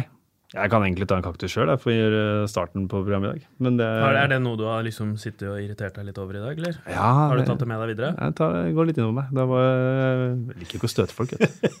Nei, men det her er jo en eh, hyggelig greie, Espen. Du har er tatt deg fri, tatt deg fri en uh, mandag formiddag for å gi litt uh, Premier League-fotball til de som hører på. Så det er god, kun godvilje der ute. Ja, da jeg. du heller Jeg synes det er mye blomsterbukett, tak faktisk. takknemlighet faktisk til podkastene. da. Mm. Så er det jo noe, noe slakt, eh, men, eh, men det er jo Jeg syns det er eh, det er, Det er- eh, må veldig lov- hyggelig, da. Jeg må få lov å si det, det er veldig sjelden slakt. Eh, men det er Det kommer jo ofte kritiske både tweets, er mailer og gøy. andre ting. Og de er som oftest meget både velbegrunnede og konstruktive. Mm. Eh, jeg tror ikke jeg har fått én sånn usaklig greie på, på podkasten som jeg kan huske, i hvert fall. Mm. Det er jo bra. Mm. Det er Kreditt til våre lyttere ligger på et meget høyt nivå. Mm. Og kritiske eh, tilbakemeldinger tar vi imot alltid. Med glede. Med glede. Eh, det var en Så det er eh, ikke noe kaktus til deg. Nei, du, får en du får en liten del av den blomsterbuketten vi delte ut. Men hvem skal ha kaktusen, da? Jeg var litt på Vi har snakka om det allerede, men jeg var litt på oppførselen til Marka Arnautovic. Jeg, jeg syns det er litt sånn kaktusbasert. Ja. Uh, og, og det er akkumulert litt over Jeg syns han var litt sånn forrige match også, uh, når han ble bytta ut der. Uh, eller kanskje broren hans, da, hvis det er broren hans som trekker i trådene. Eh, Familien er Ja, nærmest for en eh, kaktus. ja, det, det forsurer litt. Liksom. En, Det en, det. en kjempeprestasjon av Westham og en stor dag eh, hvor de slår, eh, slår en London-rival. Liksom. Jepp. Eh, da gir vi den til familien eh, Arnautovic. Eh, skjedd veldig lite på overgangsmarkedet siden eh, sist vi hadde podkast. Eh, Cesc Fabregas er bekreftet til Monaco. Hadde en god debut også i en 1-1-kamp. Eh, Batshuayi, der har jo de fleste klubbene som har trengt en spiss i Premier League, ligget etter eh, han, etter at eh, låneoppholdet i Valencia er slutt. Um, men han ser ut til å følge etter Fabregas til eh, Monaco, så ingenting eh, der. Manolo Gabbiadini har dratt til Sampdoria sammen med Morten Thorsby. Det er jo eh, eh, godt å, å se. Og så er det jo eh, Tammy Abraham. Um, på championship-nivå så får han såpass mange sjanser at han skårer veldig mange mål. Jeg syns han er en komplett spiss, bortsett fra at han brenner for mange sjanser. Jeg syns han har gjort det i championship også. Mm. Eh, det kom veldig tydelig til syne da han spilte i Premier League i Swansea, hvor langt færre sjanser, og han måtte være mer effektiv. Da ble det færre mål òg. Mm. Men samtidig, Chelsea, den ungdomsproduksjonen de har, som er helt enorm, uten å la de få ordentlige muligheter. Eh, Det har vært snakket om spiss opp, spiss i mente i Chelsea, samtidig som de har Tammy Abraham. Mm.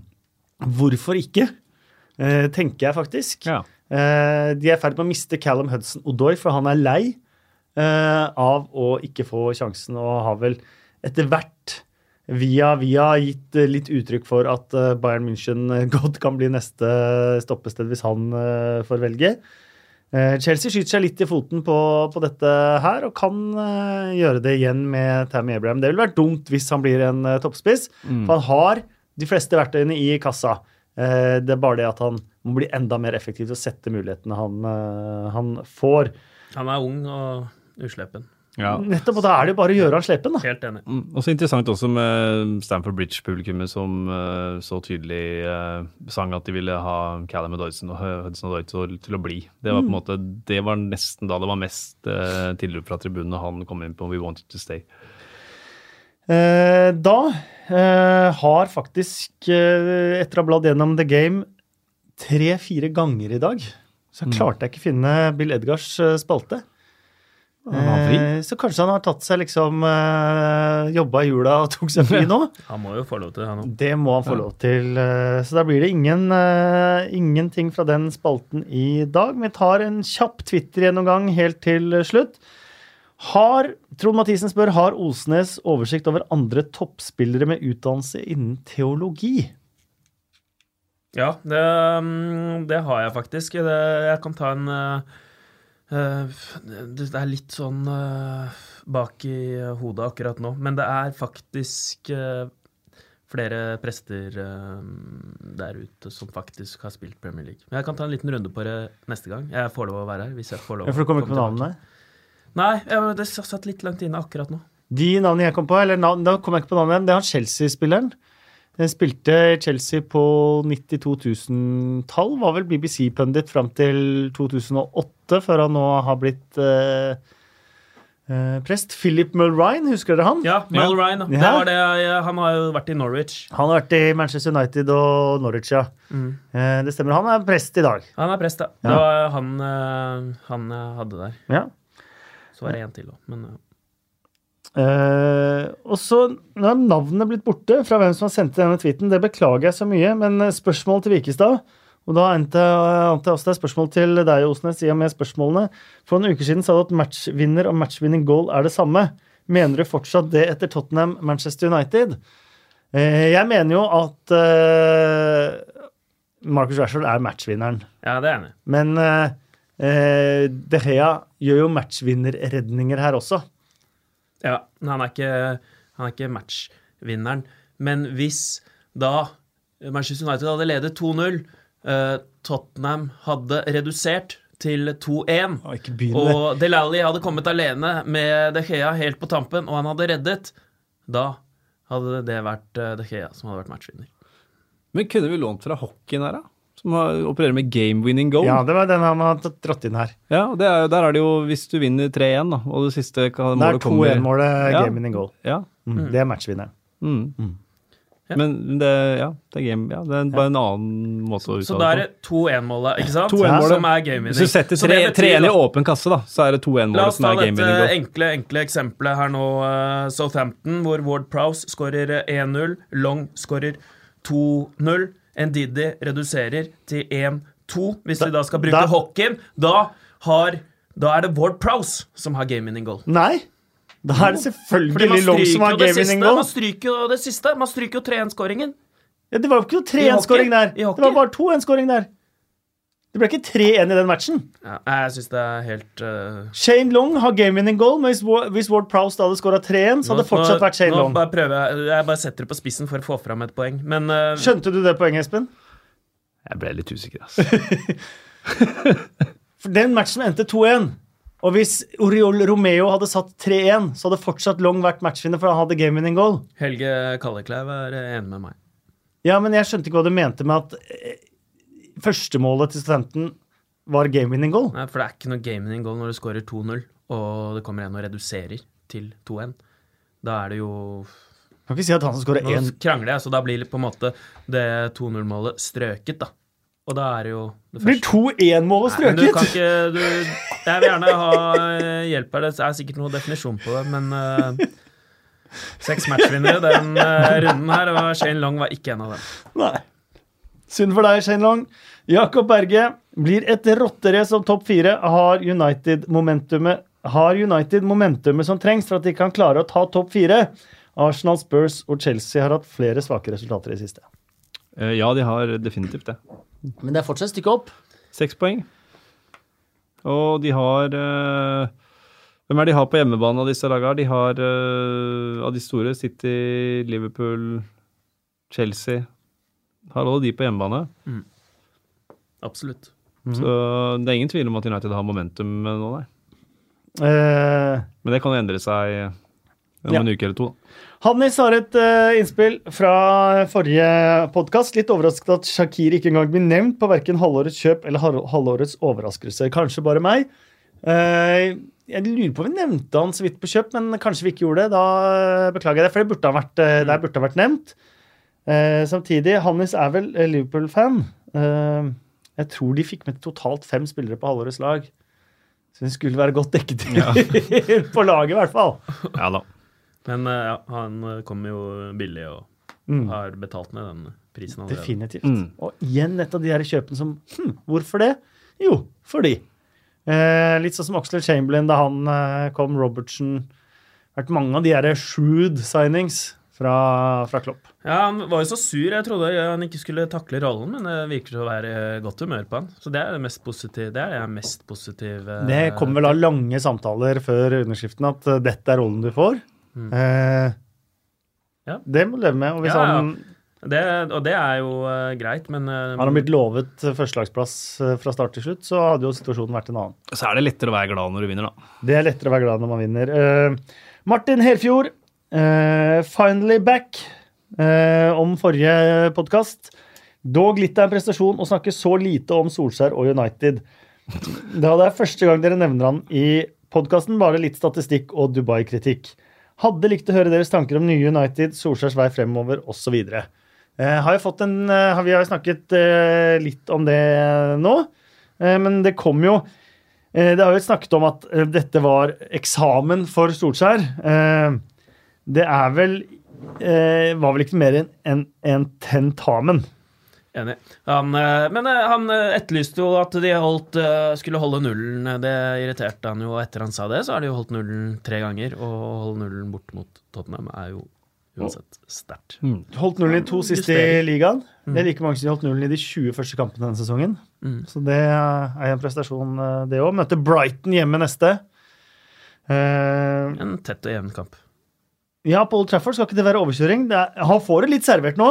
Nå er det Brighton hjemme, og så er det eh, Burnley hjemme i de to neste ligakampene, er det ikke det?